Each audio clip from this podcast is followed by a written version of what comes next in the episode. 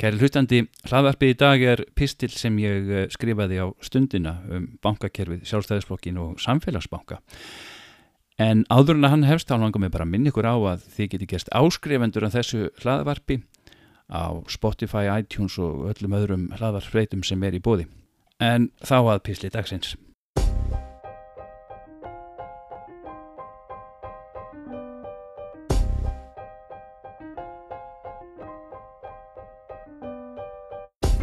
Mikilvægi bankakerfisins í samfélagsgerðinni verður aldrei ofmetið, en um það liggur leiðin að völdum í viðskiptalífi og stjórnmálum. Sjálfstæðisblokkurinn hefur líklega gengið lengst íslenskra stjórnmálaflokka í að viðhalda áhrifum sínum innan bankakerfisins í gegnum tíðina. Til margsum það má nefna nokkur af stærstu gjaldrútamálum Íslandsögunar, þar sem fulltrúarflokksins sátu allt í kringum borðið, til dæmis engavæðingu bankana og bankarhrunnið í uppafi aldarinnar, hafskipsmálið og gjaldrótt útöksbanka á nýjunda áratug síðustu aldar og jafnframt kveldúsmálið á fjórða áratugum.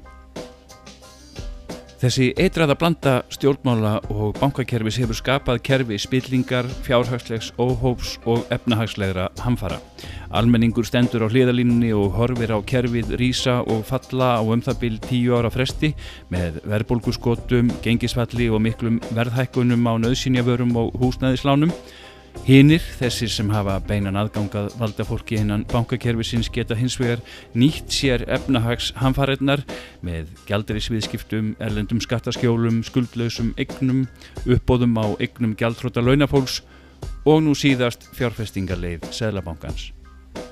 Í dag fer sjálfstæðisflokkurinn með mikil völd í bankakerfinu í gegnum bankasíslu ríkisins þar sem flokkurinn heldur um stjórnvölinn með tvo af þrejamur stjórnarmönnum annars vegar pólitískan trúnaðarmann formansflokksins og hins vegar fyrverandi þingmann hans.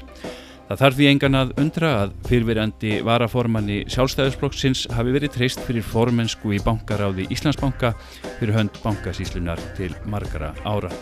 Þessi völd hafa reynst flokknum svo mikilvæg að hægt hefur verið við að leggja bankasísluna niður eins og lög gerður áð fyrir. Sjálfstæðismenn hafa líka verið fyrirferðarmiklir við stjórnvölinn í Arjónbanka, eina stóra viðskiptabankanum sem ekki er í ofinberi eigu. Reyndar fær almenningur ekki að vita hverjir stærstu eigendur bankans eru á sama tíma og smæstu félagasamtökum og húsfélagum hefur verið gert að upplýsa stjórnvöldum raunverulegt eignarhald. Stjórnarformaður Arjónbanka hefur verið áhrifamaður í sjálfstæðisbloknum til ára töga og var í hennum allræmda emriðar hópi, meðal annars með áður nefndum fyrirverandi varaformanni sjálfstæðisblokksins. Annar stjórnarmaður í Arjónbanka hefur verið fulltrúi sjálfstæðisblokksins í stjórn Rúf og landskjörstjórn. Bankastjóri Arjónbanka er fyrirverandi aðstofamaður formansflokksins í fjármálaráðunitinu og aðstofar bankastjórin er bróðir varaformans sjálfstæðisflokksins. Um tengsl smærri banka við flokkin hefur líka talsvett verið fjallar, til dæmis hinn allræmda og nú gjaldþróta gamma banka.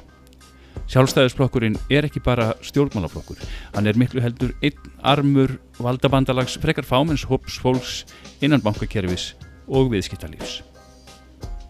Það er því ekki að ástæðu lausu sem sjálfstæðisflokkurinn hafnar öllum tillögum um að nýta tækifæri nú með ofinberu eignarhaldi á landsbankanum til að stopna samfélagsbanka. Flokkurinn sér aðeins tvo kosti í stöðunni svo hann haldi áfram um alla þræði bankakerfisins, annars vegar óbreytt ástand og hins vegar engavæðingur. Framtíðar sín meira hluta almennings er hins vegar önnur og betri ef markam á skoðanakönnun sem Gallup gerði nýverið fyrir öldu félagum sjálfbærni og líðræði.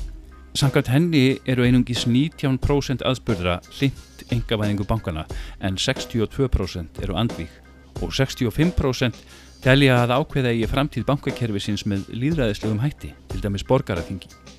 Þá reyndust 58% hlind því að landsbankanum verði breytt í samfélagsbanka en einungis 15% voru því andvík. Þessu ljóta ráðherrar og þingmenn framsunarflokks og vinstri grætna að taka fagnandi en flokkarnir hafa talað fyrir samfélagsbanka og samþygt álíktanir slíkum bankarekstri til stuðnings.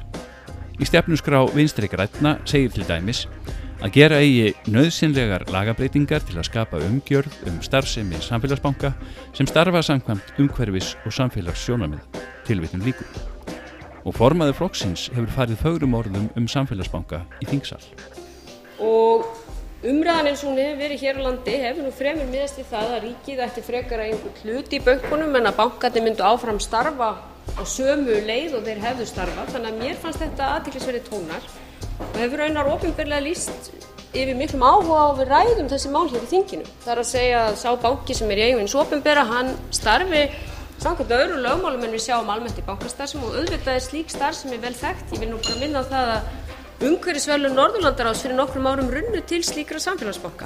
Flokksþing framsóknarflokksins hefur álygtað á sömu nótum. Í álygtuninni segir Framsóknarflokkurinn telur að annar ríkisbankana eigi að vera áfram í eigu þjóðarinnar með það að markmiði að þjóna samfélaginu sem best. Til að breyðast við fákjefni á bankamarkaði er nöðsynlegt að samfélagsbanki hafi þann tilgang að bjóða góða þjónustu á sem bestum kjörum. Þannig má efla samkjefni í bankaþjónustu á landsvísu, tilvitnum líkur. Og þingmaður framsóknarflóksins og formaður fjárlöganemdar alþingis hefur rætt þá hugmynd í þingsal að breyta öðrum ríkisbankanum í samfélagsbanka að þýskri fyrirmynd.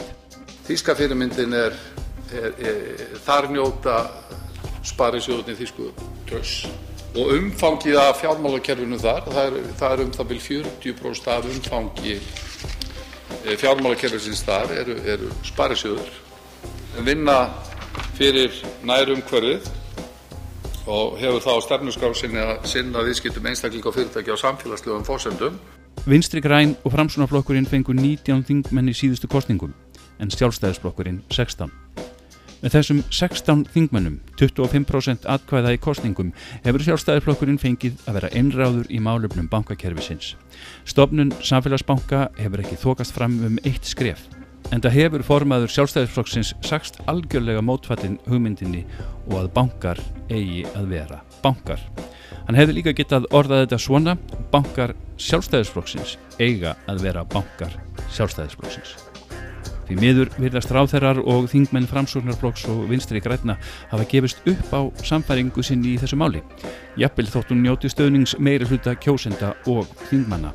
Sá rúmi meiri hluti almenning sem tristir ekki bankakerfinu sem sjálfstæðisflokkurinn hefur mótað og stjórnað mun því ekki fá að njóta hófstilts bankakerfi sem stöðlar að efnahagslegum stöðuleika. Sjálfstæðisflokkurinn leifir það ekki.